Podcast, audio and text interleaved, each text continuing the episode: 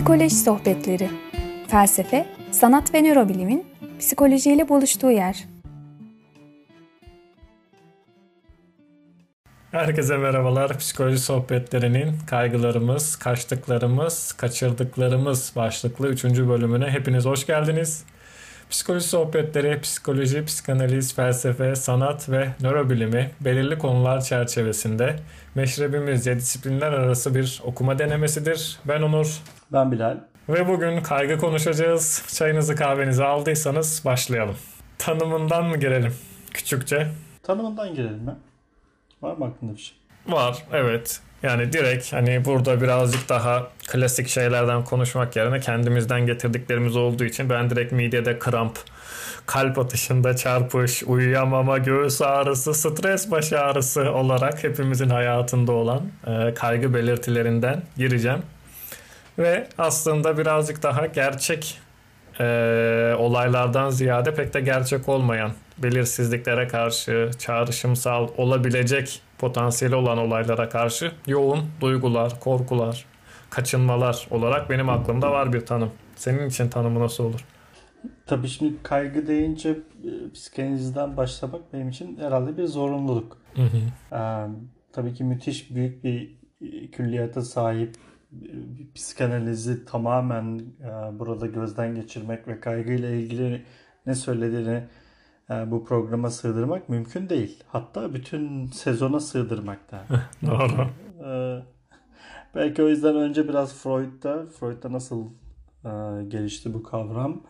E, Lacan'da nasıldı? Biraz oralara uğrayabiliriz. Biraz nörobilime, daha bilişsel bilimlere uğrayabiliriz ve e, son olarak da belki sanattaki görünümleriyle e, bugünkü izleyimizi takip edebiliriz. Tabii Freud dediğimizde e, Freud'un kaygıyla ilgili söylediği e, çok şey var ve e, birkaç farklı teorisi var. Aha. İlk önce kaygıyı yarıda kesilmiş cinsel birleşmeyle ya da onun deyimiyle bastırılmış libidoyla ilgili bir şey olarak görüyor. Cinsel enerjinin boşaltılmamasının e, tekrarlayan bir şekilde engellenmesi kaygı e, ve nevroza tabii ki Freud için sebep olduğunu iddia ediyor. Burada Freud'un aslında ne kadar biyolojik bir e, konumda yer aldığını görebiliriz. Ama bu biyolojik yaklaşıma rağmen içsel kaygı ile dışsal uyarına verilen kaygılı tepki arasında yine bir ayrıma gitme ihtiyacı ta en başından itibaren hissetmiş. Ki bildiğiniz gibi Freud'un yani mesleğe başladığında bir nörolog olduğunu unutmamak gerekiyor. Hayatı boyunca yapmaya çalıştığı şey de psikoloji denilen ve psikoterapi, psikanaliz onun dediği şeyi daha bilimsel, daha somut bir şey haline getirmeye çalışmak. Hayatın resmen buna adamış. Belki burada Freud'dan bir hemen alıntı yaparak şey yapabiliriz, devam edebiliriz. Hı hı. Psişe dışarıdan yaklaşan bir vazife yani bir tehlike ile uygun bir tepki vererek baş edemeyeceğini hissettiğinde kendisini kaygı duygusu içinde bulur. İçeriden kaynaklanan cinsel uyarımı boşaltamayacağını fark ettiğinde ise kendisini kaygı nevrozu içinde bulur. Yani o uyarımı dışarı yansıtmış gibi davranır. Tabi yine söylüyorum bu noktada Freud'un içinde bulunduğu dönemi ve mesleğe başladığı zamandaki uygulamaları e, ve sorunları unutmamak gerekiyor. Keza Freud'un doktor olarak çalışmaya başladığı ilk yıllarda dediğim gibi bir nörolog olduğunu ve o dönemin en büyük açmazlarından birisinin histeri olduğunu göz önünde bulundurmak lazım. Zira o dönemde büyük ihtimalle Freud'un da şahit olduğu e, ilk uygulamalar arasında histerinin e, tedavisiyle ilgili e, histeriden mustarip kadınların doktorlar tarafından elle uyarılması ve orgazm ulaştırılmaları gibi tedaviler mevcuttu. Tabii ben tedaviler derken burada tırnak işareti yaptım. Siz görmüyorsunuz ama bence önemli bir yere işaret ediyorum. Her ne kadar Freud da bu bakış açısını kısmen taşıyor olsa da bir ayrım yapma ihtiyacını hissediyor ve aslında bu tarz uygulamalardan psikoterapiyi, psikanalizi bularak çıkıyor. Yani belki de hiç dinlenilmemiş kadınları dinlemeye başlıyor.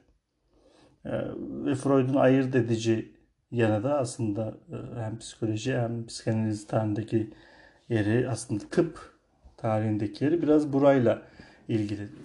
Çünkü o dönemde e, az önce söylediğim gibi histerik kadınlara dair yapılan uygulamalar işte bu engellenmiş cinsellikle ve bu e, yani orgazm olamamayla ve buna dair bayağı bildiğimiz mastürbatif eylemleri içeren tedaviler uygulanıyordu. Bunun aslında travmatize edici yanını da düşünmek gerekiyor. Bu noktada Freud kadınları dinlemeye, kadınları diyorum ama o dönemde bu burada daha çok kadınlar ön planda. Histerinin sadece kadınlarla ilgili olduğuna dair bir düşünce vardı. Sonradan yavaş yavaş erkeklerde de olduğuna dair şeyler görmeye başladık. Tabii bu ilk teoriden 30 yıl sonra kaygıya dair düşüncelerini neredeyse kökünden değiştiriyor Freud. Ee, ve aslında çok şu anda aşina olduğumuz o korku ve kaygı arasındaki ayrımı yapıyor. Bununla ne demek istiyor? Ee, korkunun bir nesnesi vardır ve kaygının nesnesi yoktur gibi bir ayrıma e, götürüyor bizi. Bu ne demek? Bir şeyden korkarız ama neye dair kaygılandığımızın pek farkında değilizdir. Yani köpekten korkarız, e, mikroplardan korkarız ama kaygı söz konusu olduğunda ortada bir belirsizlik vardır. Özellikle panik atak durumlarında bu kendisini çok net bir şekilde gösterebiliyor. Çünkü panik ataktan mustarip olan insan çoğu zaman ölmeyeceğimi biliyorum der. Ama yine de bir şekilde öleceğine dair korkulardan, kaygılardan bahsediyordur. Bilişsel düzeyde bir farkındalık var ama işte bilinç dışı düzeyinde farklı çatışmaların yansımasını görüyoruz. Burada kaygının belki de en önemli içlevi özellikle psikanaliz çerçevesinde kendisini ortaya koyuyor. Çünkü kaygı dediğimiz şey anksiyete daha doğrusu çözülmemiş çatışmalarla, bilinç dışı çatışmalarla ilintilidir. E tam da bu noktada belki günlük hayatta neler oluyor, nasıl oluyor da kimi insanlar daha çok panik atak geçiriyorlar, daha çok kaygıları yatkın, diğerleri nasıl baş ediyorlar? Yani benim aklıma gelen birazcık daha e, zorlu yaşam tecrübeleri değil mi? Zorlayıcı yas olabilir, e, ebeveyn ya da çocuk kaybı vesaire böyle birkaç tetikleyiciden sonra e, uyarıldığını, bu böyle yaşantılara sahip kişilerde daha fazla olduğunu görüyorum. Tabii burada travmanın çok büyük etkisi var aslında. Biraz oraya oradan bahsediyorsun anladığım kadarıyla. Çünkü travmatik deneyim esnasında her ne kadar Freud bunu çok farklı bir yerden okuyor olsa da e, sağlıklı bir şekilde işlenememiş, depolanamamış anılardan bahsediyoruz. E, verilerden bahsediyoruz. Yani vücudumuzda 5 duyu organımızda aslında yanlış hatırlamıyorsam 13 duyu organımız var. Evet. Evet doğru. 13 duyu organımızda aldığımız verileri yani tam anlamıyla işlenememesinden ve çok tetiklenebilir bir halde olmasından e, bahsediyorsun. Çünkü herhangi bir insan için o panik atak durumu dediğim gibi bilişsel düzeyde şunun farkında. Evet ölmeyeceğim. Bana bir şey olmayacak. Şu anda beni tehdit eden herhangi bir şey de yok ama bir şekilde nefes almakta zorlanıyorum. Kalp ritmim çok hızlı. Kaslarım gergin. Birçok insan için bu fiziksel olarak bir engel haline gelecek seviyeye de ulaşıyor. Yani yürüyememekten konuşamamaya, hareket edememeye kadar kendisini gösteren çok geniş bir yelpazeden bahsediyoruz. Travmanın nasıl bir etkisi var burada? İşte daha belki senin alanından konuşacak olursak işlenememiş bir anıdan bahsediyoruz. Sağlıklı bir şekilde depolanamak ne demek? Yani herhangi bir anıyı normal şartlarda hatırladığımızda her hatırlama bir yeniden inşa. Belki buraları biraz açarsın. Ve bu yeniden inşa esnasında biz o anda, o anıyı yaşarken hissettiğimiz duyguları, düşünceleri, bedensel duyumları onların içerisine girmeyiz. Ama travmatik bir anı söz konusu olduğunda, sağlıklı depolanamamış bir anı söz konusu olduğunda o anıyı hatırlamak, o duyguları, düşünceleri e, ve bedensel duyumları harekete geçiren bir şey haline geliyor. E, bu şunun gibi yani herhangi bir anıyı hatırladığımızda içimizin sıkılması, bizi rahatsız eden bir şeylerin olması. Travmatikten kastımız bu. Tabi her travma bizi engelleyen, yıpratan, kötü bir noktada bırakan bir şey değildir. Bunu da unutmamak lazım. Travmanın aynı zamanda büyümeyle e, çok büyük bir ilintisi var. Yani o travmadan hepimizin geçmesi gerekiyor. Aslında çok güzel iki noktaya geldik. Panik atak bence bayağı ilgisini çekecek bir nokta dinleyicilerin. Ee, oradan dinlemeye devam ederler. Diğer bir noktada bilinçaltı Freud'un söyledikleri vesaire. O zaman bu şey kısmından yavaşça toparlayıp nöroloji kısmını şeye geri dönelim. Ee, psikanaliz felsefe kısmına mı? Yani bu ilk teoriden sonra Freud'un düşüncelerini değiştirmesi ve işte korku ve kaygı arasındaki bu ayrımı yapması işte korkunun nesnesi var, kaygının nesnesi yoktur gibi bir ayrımla bugün daha aşina olduğumuz bir şeyi ifade etmesi aynı zamanda kaygının bir tehlike beklentisiyle ilgili olduğunu belirtiyor. Ve her yaş döneminde kaygı farklılaşır diyor. Yani bebekken bu kaygı ebeveynlerin sevgi dolu ilgilerinin kaybolmasıyla ilgilidir Freud için. Ergenlikte ödipal rakibinden korkar ve yetişkin içinde taşıdığı cezalandırıcı ses e, karşısında kaygı duyar. Ne demek bu? Yani bebek için annenin veya babanın yokluğu kaygı uyandırıcıdır.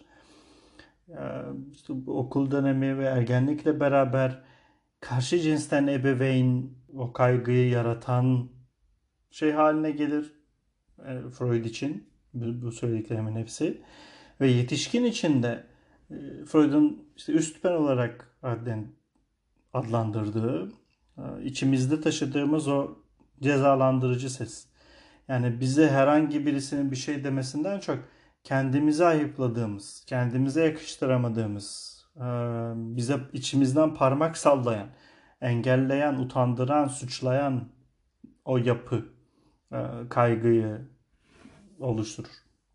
Tabii ki e, gerçekçi kaygı Freud için bir tehlikeye işaret ediyor.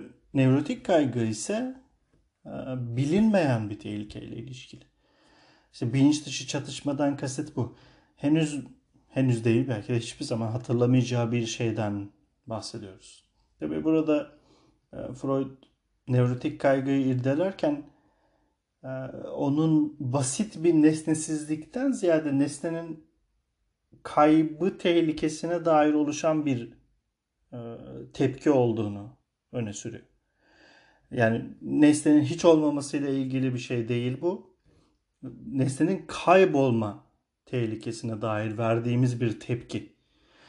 Ee, tabii burada nesne nesne diyorum ama bunu biraz açmak gerekiyor. Ee, belki de psikanalize de psikoloji camiasına çok yabancı insanlar için ne demek istiyor gibi bir soru oluşabilir. Nesne dediğimiz şey e, bizim için diğerler. Yani burada Türkçe'de bu ayrım çok yok. Gerçi dil bilim kısmında var. Ama e, işte yabancı dillerde, İngilizce'de, Almanca'da, Fransızca'da bunu daha net bir şekilde görebilirsin süje ve e, obje. Türkçe'ye de Fransızcadan geçen kelimeler bunlar. E, özne ve nesne. Yani ben özneysem benim dışımdaki herkes bir nesne. E, her şey aslında bir nesne. Tabii ki psikanalitik nesne insan daha çok anne için kullanılan bir kavram diyelim. Peki bu kayıp meselesi yani kaybın ihtimalinin yarattığı kaygı kastrasyon tehdidiyle ilişkilidir der Freud. Bu ne demek? Yani erkek çocuk için penisimi bir yanlış yapacağım ve babam penisimi kesecek. Ee, bir hata yapacağım ve e, benim için bu çok kıymetli olan organdan beni diğerlerinden kızlardan ayıran organdan mahrum kalacağım. Ki Freud için kızlar da zamanında e, bu organı kaybetmiş kişilerdir. Yani onların da vardır, bir hata yapmışlardır ve kesilmiştir. E, kastrasyon tehdidiyle kastettiği şey bu. E, bu organın kesilmesine dair bir sembolik bir düzenden bahsediyor Freud. Elbette tabii ki günümüzde çokça eleştirilen bir söylem ki buraya Lacan daha daha iyi bir açılım, daha o erkek egemen düşünceden çıkan bir düşünme biçimi getirmiştir. Lacan Freud'un kaygı teorisine el attığında bazı önemli ilave ve gözlemler yapıyor. Ne gibi? Lacan'a göre öznenin içinde doğduğu toplumsal simgesel ağla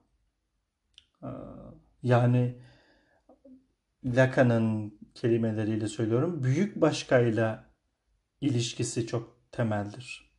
Burada başkayı kullanıyorum özellikle çünkü öteki sıklıkla duyacağınız olan kavramdır. Ama bence Türkçe'de tabii ki bence diyorum ama bence değil benim de okuyup öğrendiğim bir şey bu. Başka ve öteki arasında önemli bir ayrım vardır. Ve başka bu Lacan'ın anlatmak istediğine, diğer birçok filozofun anlatmak istediğine daha uygun bir tercüme olduğunu düşünüyorum ben de diğer bazı felsefeciler gibi. O yüzden her başka dediğimde aslında e, literatürdeki ötekiyi kastediyorum. Tabii ki bu başka, bu büyük başka toplumumuzun örgütlendiği kurum ve ritüellere kadar özneye konuşan bir varlık olarak damgasını vuran dille e, ilgilidir. Bu ne demek? Konuşan bir varlık olarak damgalanmak. Hepimiz e, bir dil öğreniyoruz ve dil dil öğrenmekle beraber burada aslında o konuşma yetisini kazanmaktan daha önemli bir işlevi var dilin. Bizi simgesel bir düzene sokuyor. Simgesel bir düzene tabi kılıyor. Büyük başka konusunda öznenin özel bir kaygı duyduğuna işaret ediyor Lacan.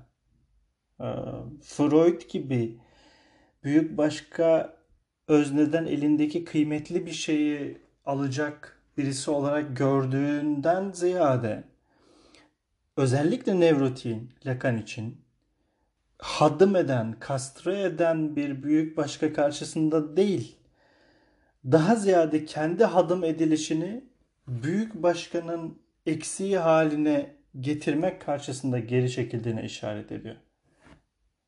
Tabii ki açmaya ihtiyaç var bunun. Bu ne demek?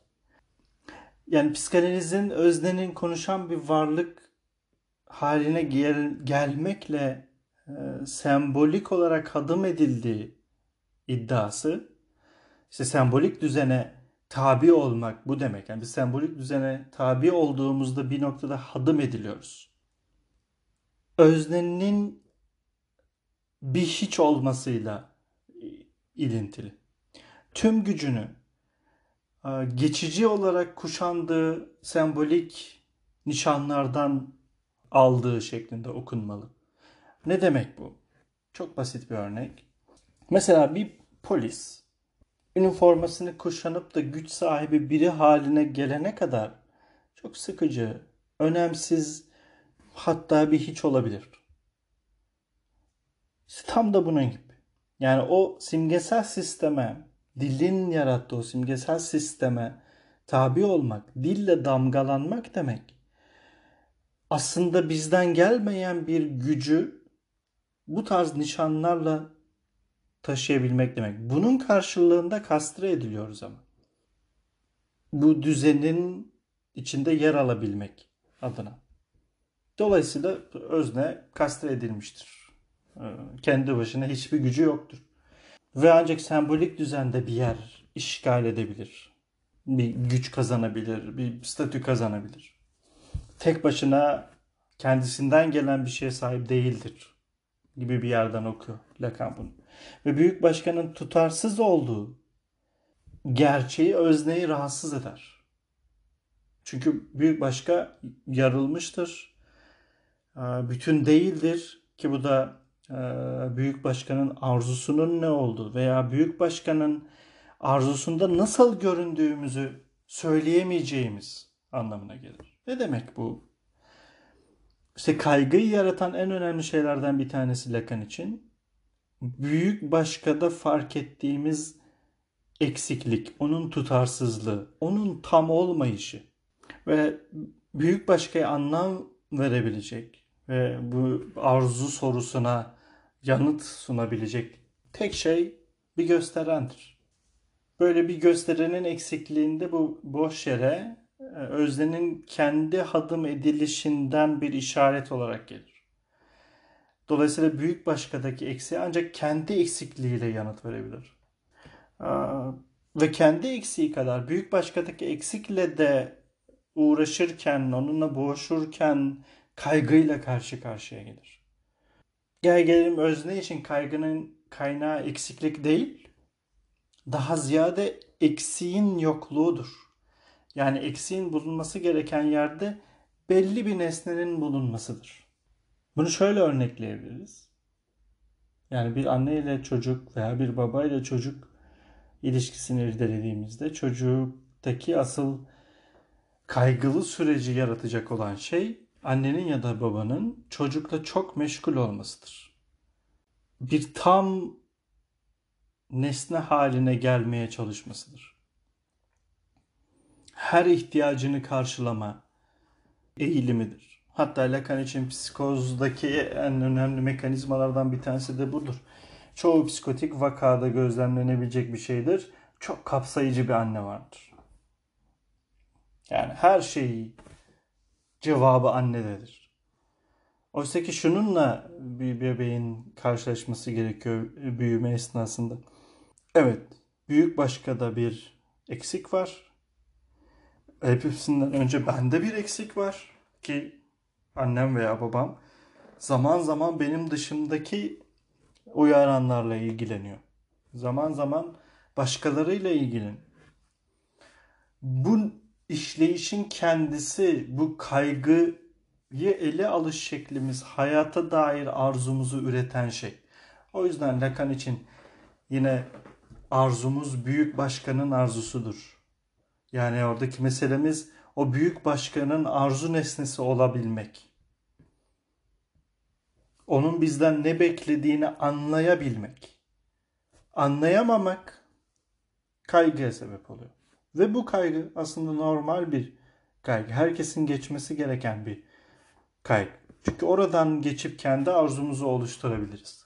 Oradan geçemediğimizde büyük başkada bir eksiklik göremediğimizde kaygı bizim için kalıcı bir mesele haline geliyor. Uğraşmakta zorlandığımız bir mesele haline geliyor. Yani ötekinde bir eksiklik gördüğümüzde bu çözüme daha mı bizi yaklaştırıyor tecrübe etmeyi? Evet yani annede gördüğümüz eksiklik ya da babada gördüğümüz eksiklik benim de eksik olabileceğimi ve o tutarsızlığı aslında normal olduğunu, o ambivalansın normal olduğunu e, bize öğretiyor. İşte bağlanma kuramlarında da bu şekildedir ya önemli olan e, bir çocukla bir bebekle bakım veren arasındaki ilişkinin nasıl kurulduğu değil, ayrılığın nasıl yaşandığıdır. Yani istediğiniz kadar sevgi dolu olun, istediğiniz kadar bütün ihtiyaçlarını, duygusal ihtiyaçlarını, fiziksel ihtiyaçlarını giderin. Çocuktan ayrılamıyorsanız yine kötü bir bağlanma modelindesiniz demektir. Önemli olan o ayrılığın nasıl yaşandığı, deneyimlendiği. Bana bu, bu yüzden biraz burayı çağrıştırıyor. Tabii ki Lacan'ın söyledikleri daha daha derinlikli ve daha e, simgesel düzenle ilgili, gösterenle ilgili çok fazla şey ifade ediyor.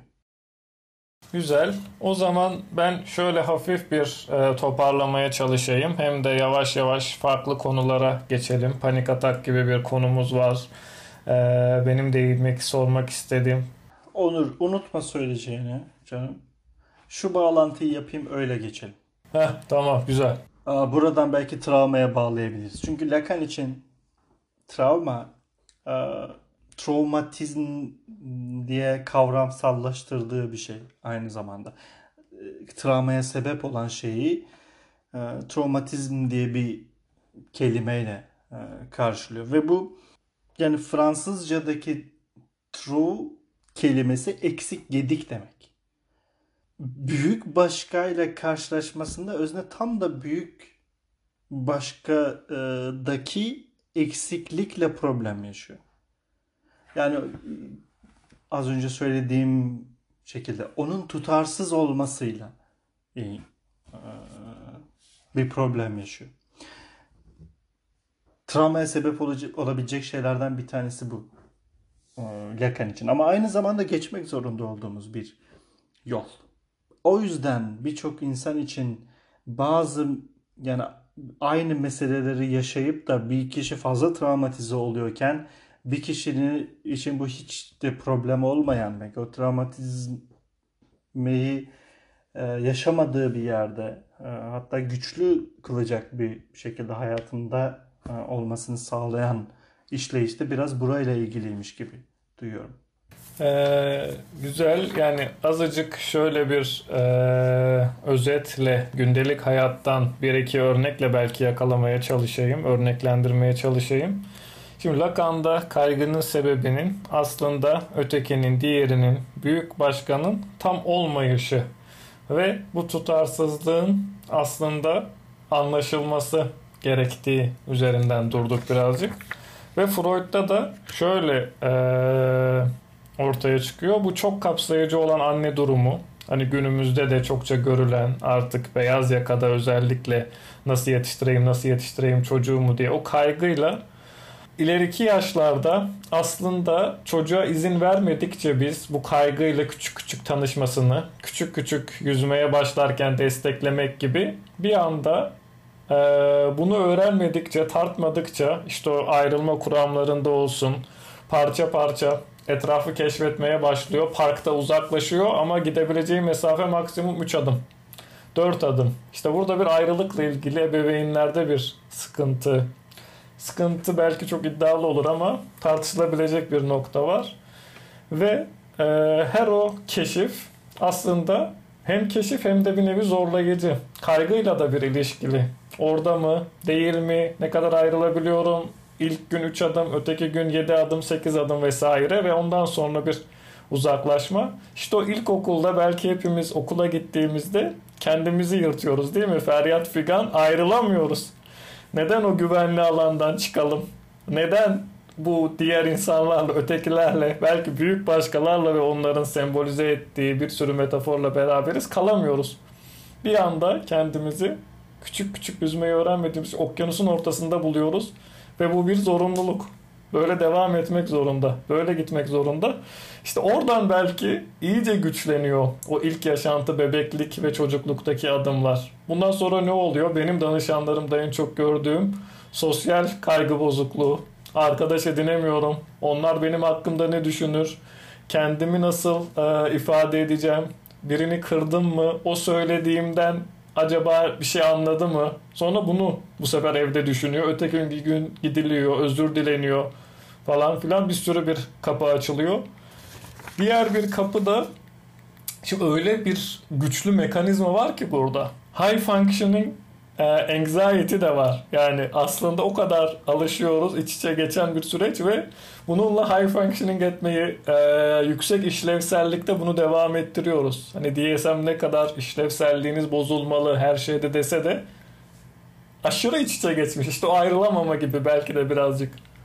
Evet yani gayet iyi bir toparlama oldu ki senin söylediklerinden benim de aklıma hemen klinik örnekler geliyor bu noktada. Çünkü çoğunlukla kaygıyla ilgili problem yaşayan insanlar için ki buraya aslında e, obsesyonu da sokarım ben.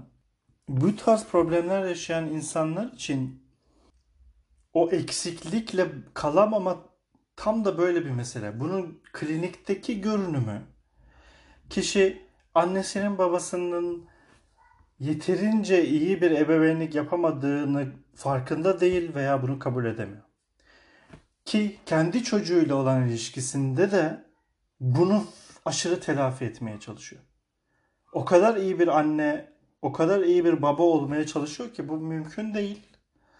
Ve orada telafi etmeye çalıştığı şey aslında kendi çocuğuyla olan ilişkisinde kendisini gösteren, tekrar eden şey kendi çocukluğuna dair bir mesele. O o ilişkide değil. Ne kadar o ilişkiye yatırım yapıyor olursa olsun duygusal olarak o ilişkide değil. Telafi etmeye çalıştığı çok daha arkaik bir yapı var. Kendi çocukluğundan gelen bir mesele var ve panik atak hastalarında da bu çok net bir şekilde görebilirsin. Nasıl bir annen var? Muhteşem. Nasıl bir çocukluk geçirdin? Harika. O eksiklikle problemli olmak böyle bir şey. Kabul edemiyor. Orayın oranın farkında değil. Bir bir fanteziyle yaşamaya devam ediyor. Ve bu tabii ki yetişkin hayatına uygun olmayan ve bir yerde de onu tıkanıklığa götüren bir şey haline geliyor. Özellikle psikoterapi sürecinde bunun farkına varmak, burayla yüzleşmek bu tarz danışanlar için en zorlayıcı ha, süreçler oluyor. Çünkü mükemmel olarak ifade ettiği ebeveynlerin eksiklikleriyle yüzleşmesi gerekiyor. Ve bu o kadar ertelenmiş bir yüzleşme ki bütün çatışmalarının temelinde neredeyse bu var. Hayata dair deneyimlediği birçok şeyin merkezinde bu tekrarın kendisi var. Ve buradan uzak durarak, burayı düşünmeyerek, oraya dair daha sahte demeyeceğim. Çünkü bu bilerek yapılmış bir şey değil elbette. Sadece yaşamı devam ettirebilmek, hayatta kalabilmek adına psişemizin savunma mekanizmalarıyla kurduğu bir düşünme şeklinden, bir algılama şeklinden bahsediyoruz. Kontrolümüzde olan bir şeyden bahsetmiyoruz. Ama o mükemmel çocukluk, mükemmel ebeveynler tabii ki bir fanteziden ebe psikoterapi sürecinde de orayla yüzleşmek durumunda kalıyor. Evet benim annem babam her anne baba gibi bazı şeyleri yanlış yaptılar. Belki bazı şeyleri başka anne babalardan biraz daha fazla yanlış yaptılar. Veya özen göstermedikleri şeyler oldu ki bu bizim neslimiz için bizden önceki nesiller için de daha çok ön planda. Şimdiki çocukların başka e, kaygıları olacak çünkü ilerleyen yıllarda. Çünkü o eksiklikle mücadele aşırı telafiyle bizim nesilde kendisini gösterirken şimdikilerde o eksiklik yok. Yani muhteşem çocuk. Doğru. Her her şeyleri var. Her şeye e, erişebiliyorlar. Anneleri babaları sürekli onlarla meşgul. Okul deseniz keza öyle. Ben kendi çocukluğuma baktığımda ben öğrenci olmamışım diyorum. Hayatı boyunca neredeyse. Şimdiki çocuklar bir şey gerçekten bir şeyler öğrendiklerini görüyorsun. Ben bir şeyler öğrenmeye ancak kitap okuyarak başladığımı düşünüyorum. Çok geç bir yaşta benim hayatıma bir şeyler öğrenmenin keyfi girdi. Yoksa belli bir Doğru. Lisede. Belli bir yere kadar hep sadece işte zekamın yardımıyla yürüttüğüm bir okul süreci vardı. Orada beklenen bir şeyler vardı ve birazcık yorum gücünüz varsa çok kolay üstesinden gelebileceğiniz şeyler söz konusuydu. Şimdiki çocuklara bakıyorum. Gerçekten bir şeyler öğreniyorlar. Ama burada da biraz aşırı söz konusu gibi geliyor bana. Yani bununla ne kastediyorum? İşte şunu da öğrensin, bunu da öğrensin. Şuradan geri kalmasın yani. Şu anda satranç öğretilmeyen anaokulu yok. Ve bilişsel olarak yani 5-6 yaşında bir çocuğun satrancı anlaması mümkün değil. Piaget 10-11 yaş soyut işlemsel dönem yani bu her birinci sınıf psikoloğunun bildiği bir. Evet aynen öyle. Yani sizin satranç öğrenebilmek için soyut düşünceyi öğrenebilmeniz gerekiyor. Soyut düşünebilmeniz gerekiyor. Bu yapılarda 11-12 yaşla beraber çoğu zaman ergenlikle beraber hayatımıza giriyor. Birçok insan için söylüyorum soyut düşünme, soyut düşünce yetişkinliğinde de yok. Piaget gerçekten onu diyor ki e, çoğu insan soyut işlemsel döneme geçemeden ölür. Aynen öyle. Yani o kavramsallaşmayı düşünme üzerine düşünebilmeyi edinmek kendi geçtiğim eğitim sisteminde mümkün olan bir şey değildi. Kendinize eğitmeniz gerekiyordu. Şimdi çocuğumun geçtiği düzene bakıyorum. Orada da değil. Orada da evet daha eleştiriler yaklaşılan, daha bilgi dolu, daha çocuğun öğrenip öğrenmediğini kontrol eden bir yerde olabilir eğitim sistemi. Ama yine yorumla ilgili hiçbir şey yok. Yani düşünme üzerine düşünme pratiği yok. Ama satranç var. Evet, robotik kodlama var mı? Evet var. Algoritmik bir düşünme sistemi öğretiliyor. Ki çağımızın gittiği yer de orası. Her şey algoritmalara bağlı artık. Hayatımızdaki yani bir ufak bir kredi kartı alışverişinden bilgisayarda yaptığımız herhangi bir şeye, internette gezinirken karşımıza çıkacak reklamlara kadar her şey algoritmaların kontrolünde. Ve bu tarz bir öğrenme biçimi de yine o soyut düşünceden biraz uzak bir yere gidiyormuş. Daha mekanik bir şey içeriyormuş gibi e, düşünüyorum.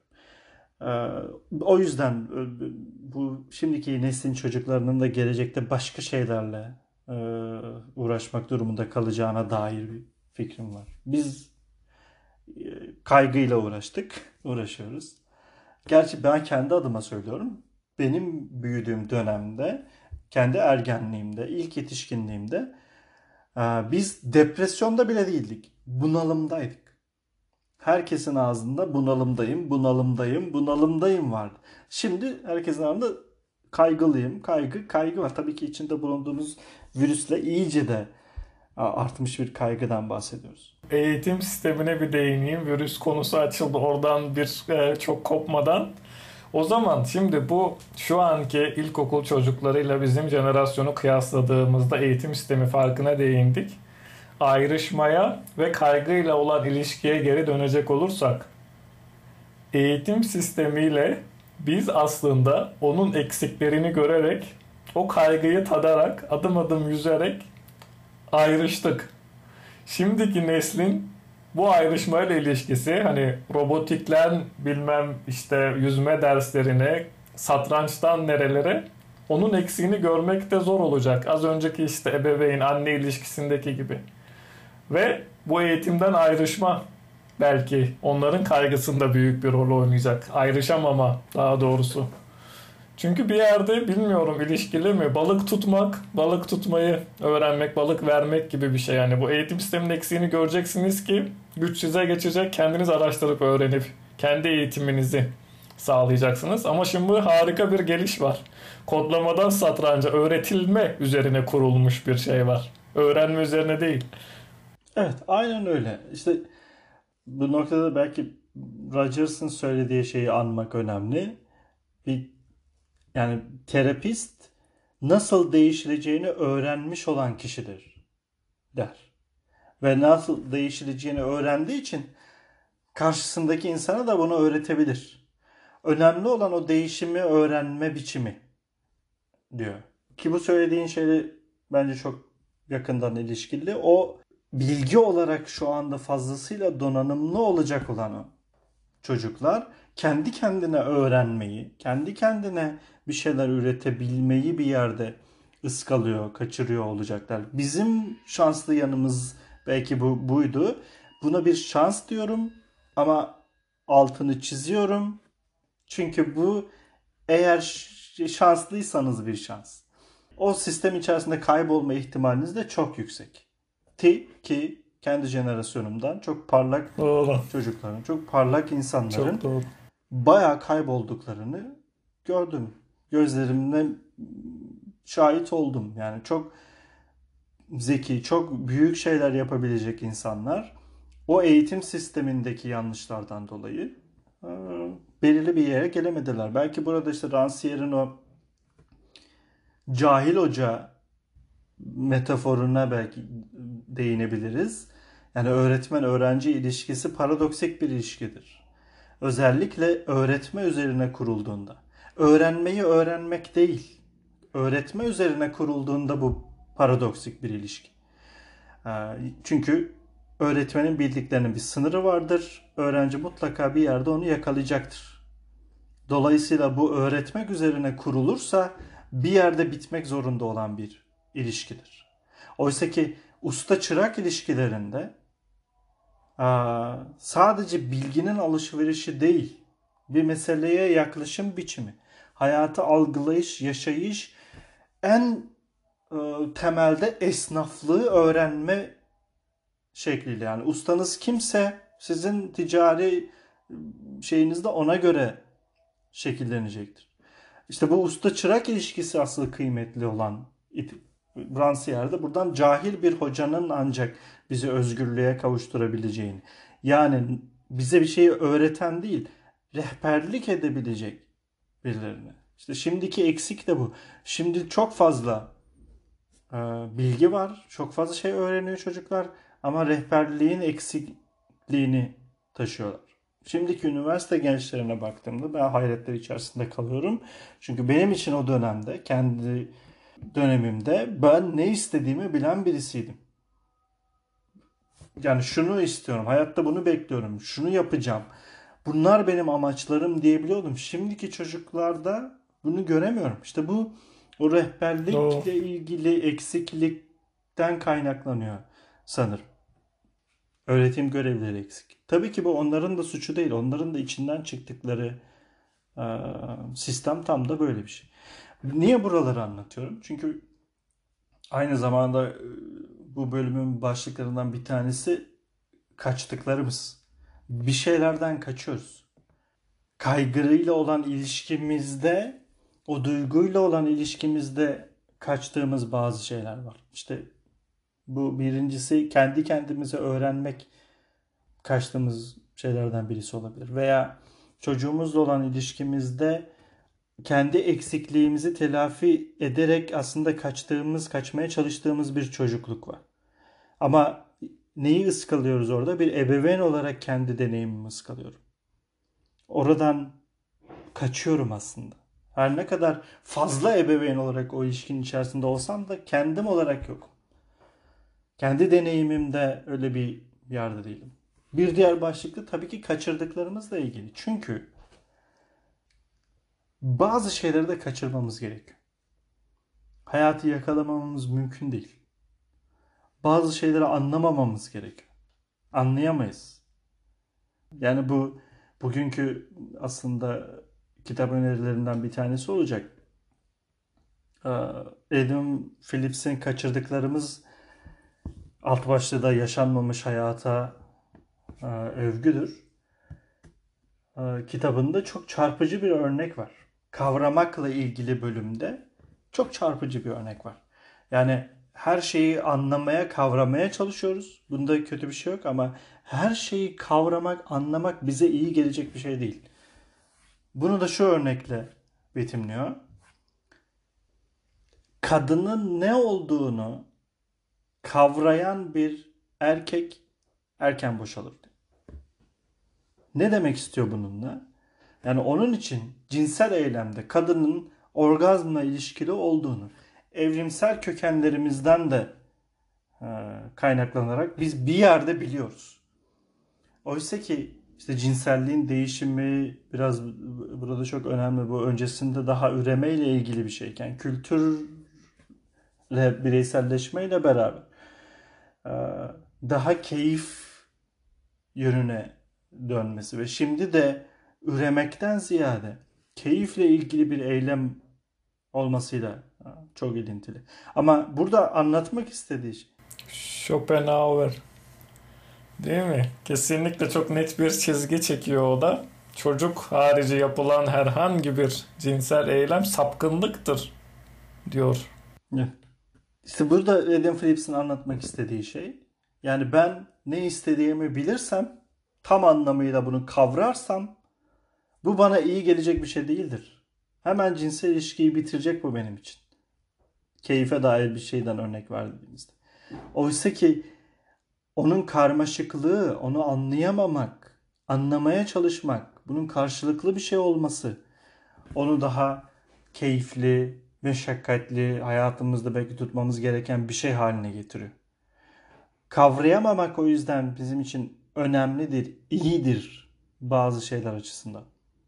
Tabii burada daha psikanalitik bir yerden konuşuyor Adam Phillips. Bir psikanalist olması sebebiyle. Ama aynı zamanda bir edebiyatçı. Evet bu da kaygının aslında bizim için kaçınılmaz bir şey olmasıyla çok ilintili. Burada belki işte bir nebze felsefeye uğrayabiliriz. Ve çok ayrıntılı bahsetmeyeceğim ama e, merak edenler için ilk bölümümüzü dinleyebilirler.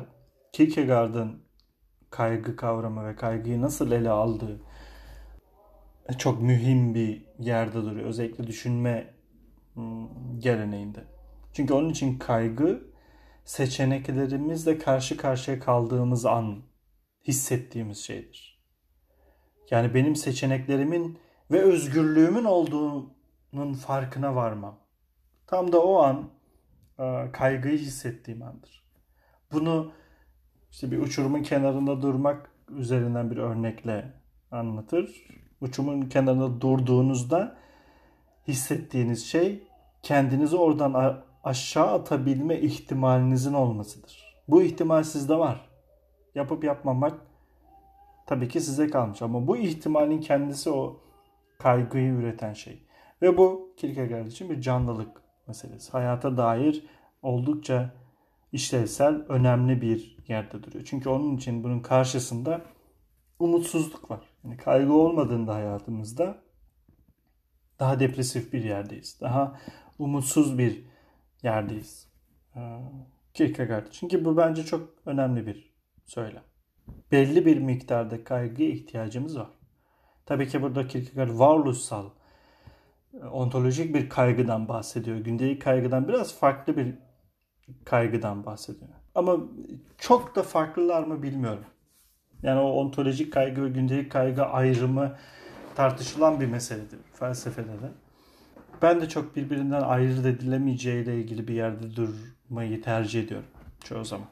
Hayatımızdaki her şey varoluşumuzla ilgili. En ufak bir seçimimizde kendimizi var ediyoruz. Yani bir şeyi seçerek başka bir sürü şeyi seçmemiş oluyorum ve bir bir bir şey inşa ediyorum. Bir ifade biçimi ortaya koyuyorum. Ve o yüzden her seçimle karşılaştığımda bu bende biraz kaygı yaratacak, kaygıyı ortaya çıkaracak ee, ve dolayısıyla ontolojik bir meseledir. Neden? Tam o seçim kısmı neden kaygıyı oluşturuyor?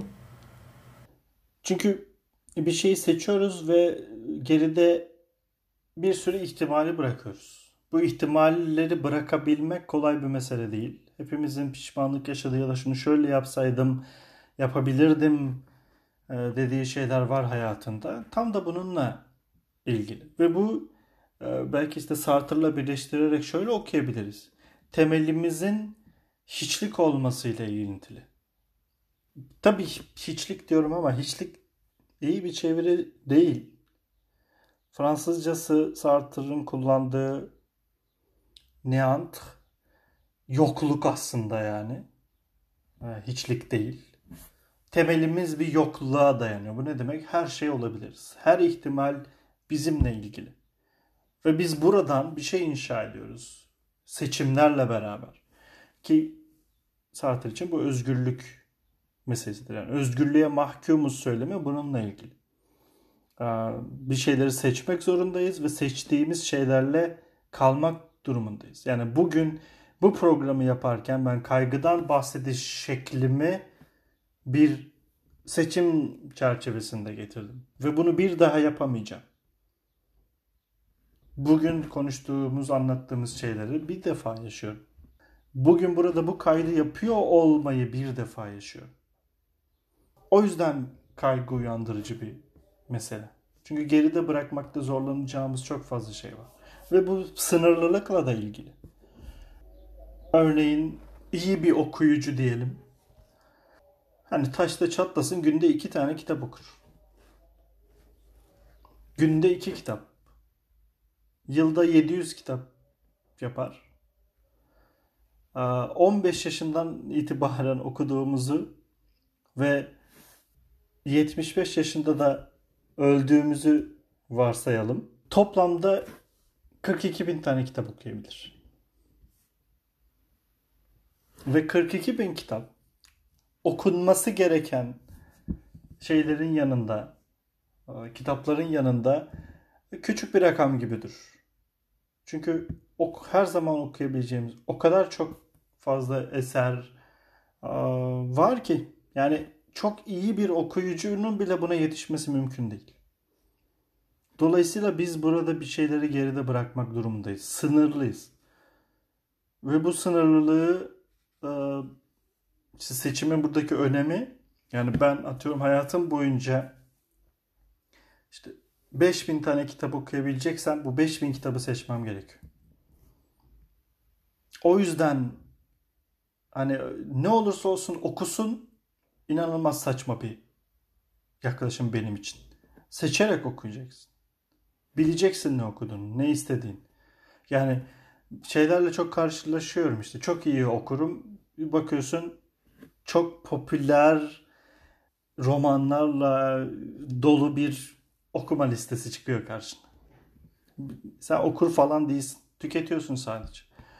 Bir kurgu bağımlılığın var. O kadar. Yani bir olay örgüsünü takip etmeyi seviyorsun. Edebiyat başka bir şey. İşte bu yüzden bu 5000 kitabı seçmem gerekiyor. Her okuduğum kitap eğer kötüyse ki ben bunu ilk e, okuma yıllarımda çok sık yaşamış birisiyim. Yani çok az kitabı yarım bıraktım. Yani şu ana kadar hayatım boyunca yarım bıraktığım kitap sayısı 2. Ve belli bir yaşa kadar hiç bırakamadım. Çünkü yani ne kadar kötü olursa olsun okunmalı, okunur gibi bir anlayışım vardı. Ve saçma sapan şeyler okumuş oldum. Bu bir tercih diye o esnada. Benim için doğru bir tercihti o zaman. Şimdi yanlış olduğunu söylemiyorum. Şu anki ben için yanlış bir tercih. O yüzden seçmek biraz kaygı uyandıracak bir mesele. Seçim çok önemli ya. Ben danışanlarımda da görüyorum. Aslında ee, işte meşhur İngiliz atasözü var. Komşunun çimeni her daim yeşil görünür. Ya da işte seçim yapmaya dair bizim de var atasözlerimiz. Aslında çok da iç içe bir olgu kaygıyla. Hı. Yapmadığımız seçimlerin hep ee, aklımızı meşgul etmesi. Geride bırakabilmek önemli bir meziyet. Evet. Psikoterapi sürecinde de bu bu şekilde. Yani kaygıdan mustarip insanlar için işte her ne kadar işte çok DSM dilinde ifade ediyor olacağım. Çünkü Lacan için bu zaten 3 tane tanı çeşidi vardır. Yani ya nevrotiksindir ya psikotiksindir ya da sapkınsındır. Nevrotiği kendi içerisinde ayırır, psikotiği kendi içerisinde ayırır. Ama çok yani en temelde 3 tane e, tanı var. DSM'in şimdiki herhalde 500 civarı bir tanısı var bildiğim kadarıyla. Şimdiki psikiyatrik söylemler işte sosyal anksiyeteden muzdarip ya da panik bozukluktan muzdarip. Keza işte bir önceki DSM'e kadar obsesif kompulsif bozukluk da kaygı grubunun içerisindeydi. Bütün bunları hepsi zaten geride bırakamamakla ilgili. Yani ben bir şeyleri yaşadım ve bunları geride bırakamıyorum. Bu yaşadığım şeyleri hatırlamasam bile hatta onların yerine çok güzel, çok mükemmel bir çocukluk hatırlıyor olsam bile tekrarladığım, bırakmakta zorlandığım bir şey var. Yani bir seçim her ne kadar sadece benimle ilgili olmasa da içinde bulunduğum dünya ile ilgili olsa da çünkü her şeyi seçemeyiz. Yani hiç kimse işte istismara uğramayı tercih edecek değil elbette. Bazı şeyler bizim seçimimiz dışındadır. Ama bunları yaşadık ve bunları dışarıda bırakamayız.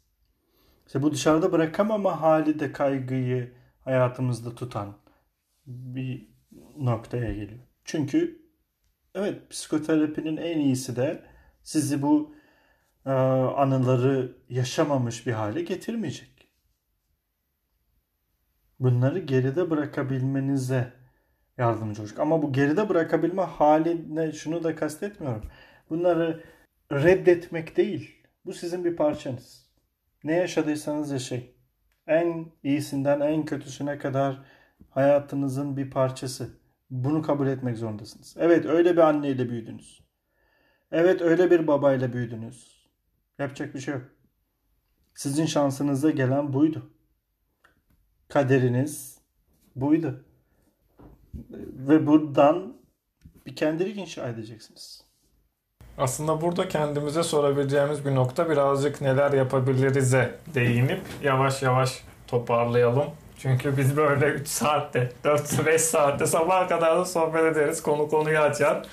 Değil mi? Yani burada kaygıyla ilişki çok önemli. Yani e, görmezden mi geliyoruz yoksa artık onu masaya yatırmaya hazır mı hissediyoruz?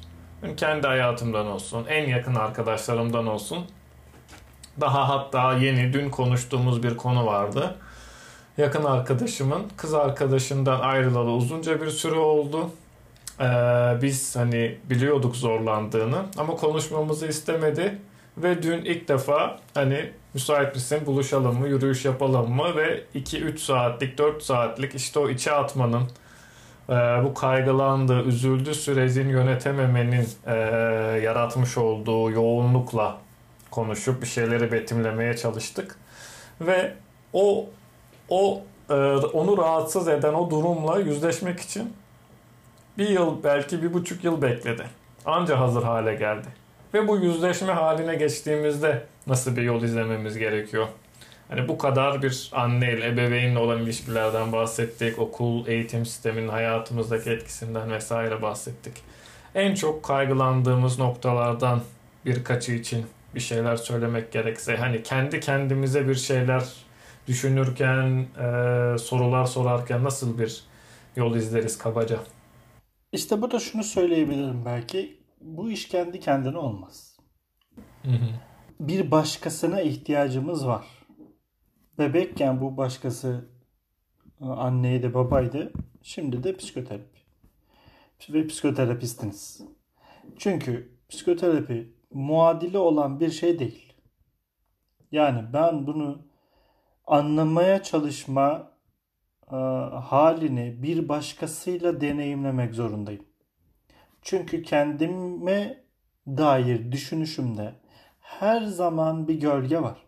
Ne zaman kendime dönsem, kendime eğilsem hep belirli bir bakış açısından yaklaşıyorum. E, dikkate almadığım, göz önünde bulundurmadığım, hatırlamadığım, nasıl yaklaşacağımı bilmediğim bir sürü şey var. Ve bütün bunlarla beraber kendi üzerime, kendi kaygılarımla uğraşmaya çalıştığımda her zaman ıskaladığım şeyler olacak. Her zaman göremediğim, üzerine düşünmediğim, anlayamadığım şeyler olacak ve anlamak istemediğim. Çünkü zaten içimde bir yer beni bunlardan uzak tutuyor, uzak tutmaya çalışıyor. Bastırıyor ya da işte bölüyor. Bir, bir sürü savunma mekanizması sokuyor hayatıma. Bunlar kötü şeyler olduğu anlamına gelmiyor. Beni korumak için yapıyor. Ama belirli savunma mekanizmalarının hayatımda sıklaşması tıkanıklıklara yol açacak şeydir. Yani siz her insan bir şeyleri bastırıyor ama çok fazla bastırmaya başladığınızda bu belirli yerlerde sizi artık ilerleyemediğiniz ve kendinizle ilişkinizde çok fazla şeyi belki de görmezden gelmeye çalıştığınız bir yerde olmanızı sağlar. Dolayısıyla kendi kaygılarınızla kendiniz uğraşmayın. Psikoterapiye gidin. İyi kötü fark etmez bir psikoterapi sürecine. Psikoterapi bilen bir tabii ki terapistle beraber yani bir psikoterapi sürecine başlamakta fayda var. Çünkü çoğu insan için şu anda her fiyat ranjında e, terapist bulabilirsiniz. Emin olun yani hani e, 20 liradan e, 1000 liraya kadar bir seans ücreti çeşitliliği var. O gerekli yatırımı yapın ve kendi kaygılarınıza dair, kendi duygusal dünyanıza dair bir psikoterapi sürecine girin. Çünkü onunla ben oturayım, tek başıma düşüneyim. Buraya bazı e, yöntemler geliştireyim. Bak bu yöntemler çok işlevsel de olsa baş etme yöntemleridir ve ancak baş etmenizi sağlar.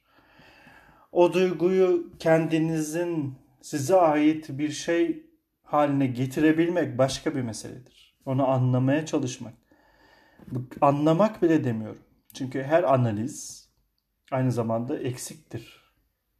Yani bir terapi sürecinden de geçtiğinizde hayatınızın her alanını aydınlatacağınız anlamına gelmez. Her zaman eksik kalacak yerler var. Yine eksikle karşı karşıyayız. Terapinin size kazandıracağı en önemli şey belirsizliğe tahammüldür. Bak hep kaygıya dair bahsettiğimiz şeyler önümüze çıkıyor. Eksik, belirsizlik. Psikoterapi sürecinin doğasında var bunlar. Yani psikoterapi süreci öyle bir süreç ki ne neyle karşılaşacağını bilmiyorsun. Terapist de bilmiyor. Beraber deneyimleyeceksiniz bunu. Ve bu belirsizlik birçok insan için dayanamayıp terapiyi bıraktığı nokta oluyor. Oysa ki o belirsizliğe ile kalabilme, o belirsizlikle yaşayabilme ve o odada bulunabilme hali psikoterapinin herhangi bir insana kazandıracağı en önemli şeydir. Yine söylüyorum her zaman her şeyi anlamak durumunda değiliz. Buna kendimiz de dahil. Önemli olan deneyimde kalabilmek. Yani şu anda kaygılıysam bu kaygının bana işaret ettiği bir şey var. Bir şeyler oluyor hayatımda ki o yüzden kaygılıyım. Ya da bir şeyler oldu ki o yüzden kaygılıyım. Çünkü şu ayrım da çok önemli bence. Kaygı her zaman gelecekle ilgili. Depresyon her zaman geçmişle ilgili. Yani birisi çok kötü bir şeyler olacak duygusu. Birisi çok kötü bir şeyler oldu duygusu. Güzel bir nokta. Şey var benim de aklımda biraz hani farkındalık üzerinden şöyle bir okumak gerekirse. kendimizi dinleme. Çünkü benim gördüğüm, tecrübe ettiğim kaygı birazcık daha e, kontrolü hızlı alan yani panik atak özelinde birazcık daha söylüyorum daha kaygının farklı alanlarından ziyade o senin de çok güzel ifade ettiğin gelecekten o korku ölecek miyim edecek miyim seans ay seans başında diyorum konuşmamızın başında da konuştuğumuz gibi bir farkındalık hali. Yani orası bana bir ilk birkaç adımdan biri gibi geliyor. Şunun tavsiyesini veriyorum. Hani az çok diğer alanlarda da olabilir. Orada bir mekanizma çalışıyor ve o mekanizma az çok şöyle çalışıyor. Bizi ya kurban etmek için çalışıyor. Yani o güçlenen kaygıya, o çalışan mekanizmaya karşı kontrolü ele aldığında kurban olmuş oluyoruz. Ama ona birazcık daha yaklaşırsak, dinlemeye, şöyle bir adım geri çekilip onu gözlemlemeye uğraşırsak o kurban pozisyonundan birazcık daha gözlemci pozisyonuna geçebiliyoruz. Ve bu sayede belki kontrolün değişimiyle onunla olan ilişkimiz de farklılaşabilir. Kurban yerine gözlemci biri bu durumu süreçle beraber daha e, olumlu, daha verimli, daha sakin atlatabilir. Belki e, üzerinde durulabilecek, kapı açılabilecek bir noktadır bilemiyorum. Ve bence gayet iyi bir e, söylem. Çünkü deneyime çağırıyorsun aslında kişiyi. Yani o içinde bulunduğun deneyime yaklaş, onu anlamaya çalış, o orada ne olduğu üzerine düşün demeye, bu şekilde düşünmeye çağırıyorsun. Çünkü özellikle davranışsal müdahaleler ve davranışsal psikoterapiler için söylüyorum bunu. Panik bozukluk, yani panik anı kontrol edebileceğiniz bir şey değil. Orada sempatik sinir sistemi devrede. Ve sempatik sinir sistemi omurilikle ilgili. Yani üzerinde en ufak bir kontrolünüz yok. Oldukça refleksif bir şeyden bahsediyoruz. O yüzden o o fiziksel durumun ve o duygusal durumun bize işaret ettiği bir şeyler var. Çoğu zaman benim için en azından kendi psikoterapi süreçlerimde yani panik atak, panik bozukluk, işte depresyon nereye gelirse gelsin kişi o deneyimin kendisini her zaman tarif et, ettirmek, onun ne olduğunu yani panik atak dediğinde neyi ifade ettiğini ve dolayısıyla ne yaşadığını, onun için bunun nasıl bir şey olduğunu anlamaya çalışmak, oraya müdahale etmekten çok duygusal karmaşalarına yoğunlaşmak benim için işleyişin belki de en en bilinen yolu diyeyim. Çünkü oraya müdahale etmeye çalışırsam oraya müdahale edemeyeceğim. Yani nefesini kontrol et. Edemezsin. Nasıl edeceksin orada nefesini? Kontrol edemezsin. İşte kalp ritmini kontrol edemezsin. Kaslarının gerginliğini o esnada kontrol edemezsin. Ki bu kaygıyla ilgili yani o kaygı bir Gauss eğrisi gibidir. Yani çan eğrisi gibidir. Bir tepe noktası var ve panik bozukluk yaşayan insan için o tepe noktasına gelmeye izin veremiyor zaten. Daha o başladığı zaman onu engelleyecek bir şeyler yapıyor ve sürekli hale getiriyor. O çan eğrisi haline gelmeden daha düşük seviyede ama sürekli uğraşmak zorunda kaldığı ve çok daha yorucu bir şey haline gelmesini sağlıyor. Bırakabilse kendisini, o tepe noktasına ulaşsa zaten kendiliğinden hemen bitecek.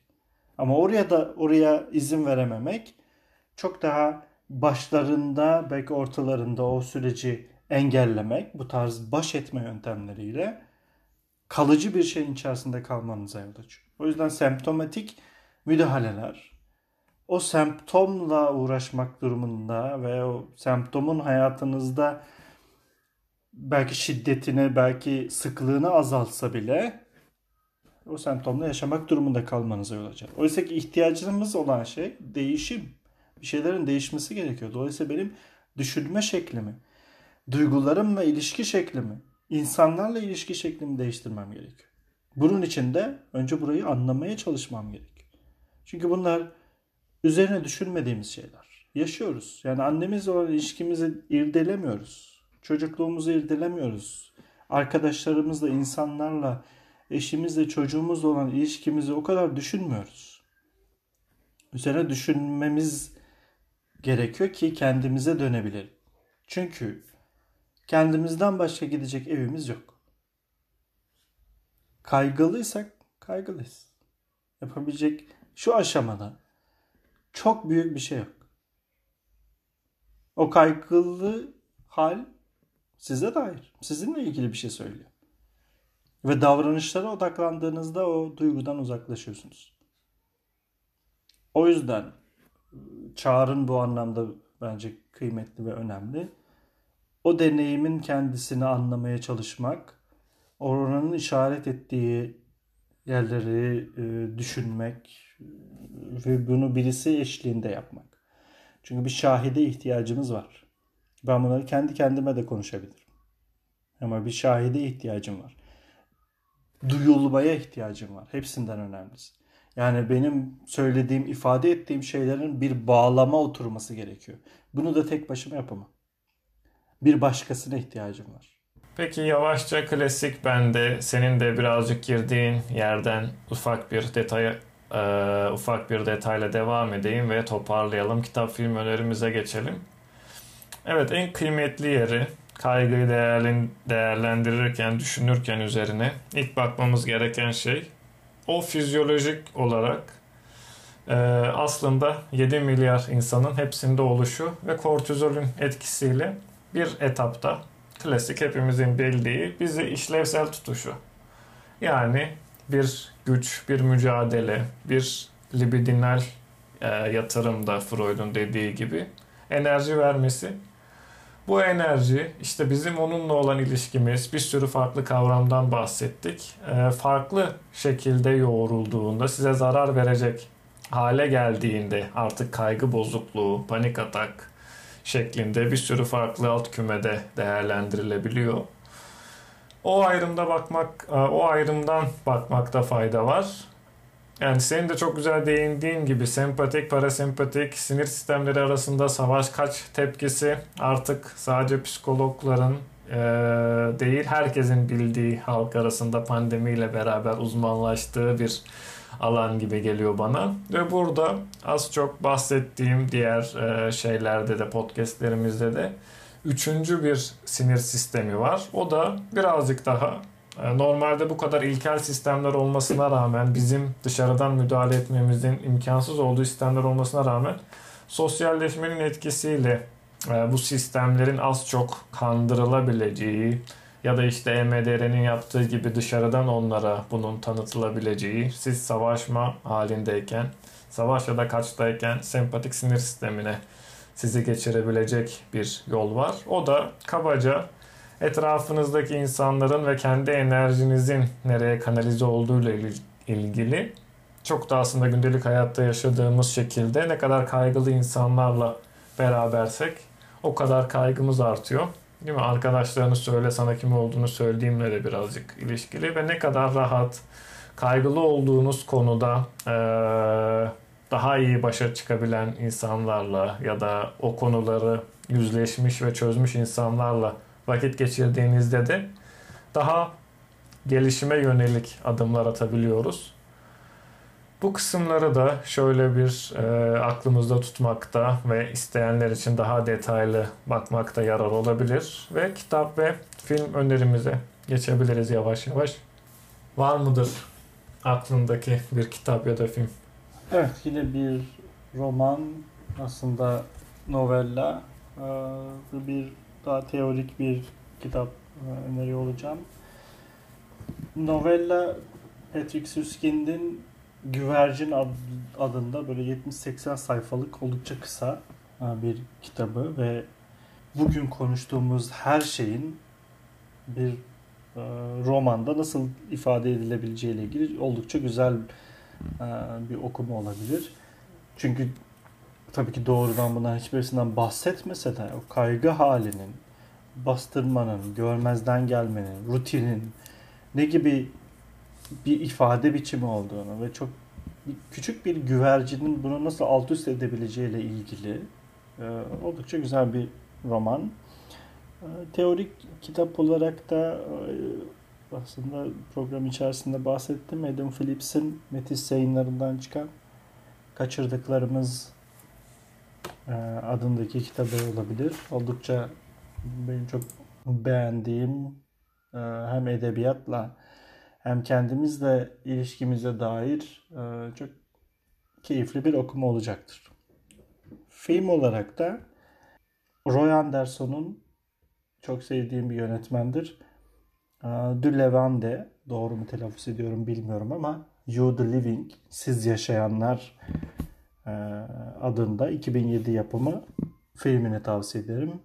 Doğrudan kaygı ile ilgili değil ama işte kendimizle ilişkimiz, dünyayla ilişkimiz, e, işimizle ilişkimiz ilgili o kadar çok meselenin gündemde olduğu, ele alındığı inanılmaz zengin bir film. E, ilgisini çekenleri mutlaka izlemesini tavsiye ederim. Güzel. Ben de e, özellikle birazcık daha farkındalıkla ilişkili e, meditasyon önerebilirim. Kendimizi dinleme, panik atak danışanlarımda gördüğüm, kimisi için çok işe yarar, işlevde olabiliyor. Güzel YouTube videoları var. Oradan yapılandırılmış mindfulness, nefes egzersiziyle vesaire birazcık daha zihnimizle uğraşma, masaya yatırmakla ilişkili ve e, Psikonet'in güzel bir kitabı var. Benim danışanlarımdan duyduğum verimini alıyorlar. Böyle hafta hafta ilerleyen daha bilişsel davranışçı terapi düzeyinde bir e, kaygı bozukluğuyla çalışma başlığında bir kitap. Onu tavsiye edebilirim. Göz atılabilir. Bizi dinlediğiniz için, sabrettiğiniz için çok teşekkür ederiz. Sonuna kadar gelmeyi başaranlara sarmadan etmeden tebrikler. Herkese çok teşekkürler. Haftaya görüşmek üzere. Hoşçakalın. Kendinize dikkat edin. Görüşmek üzere.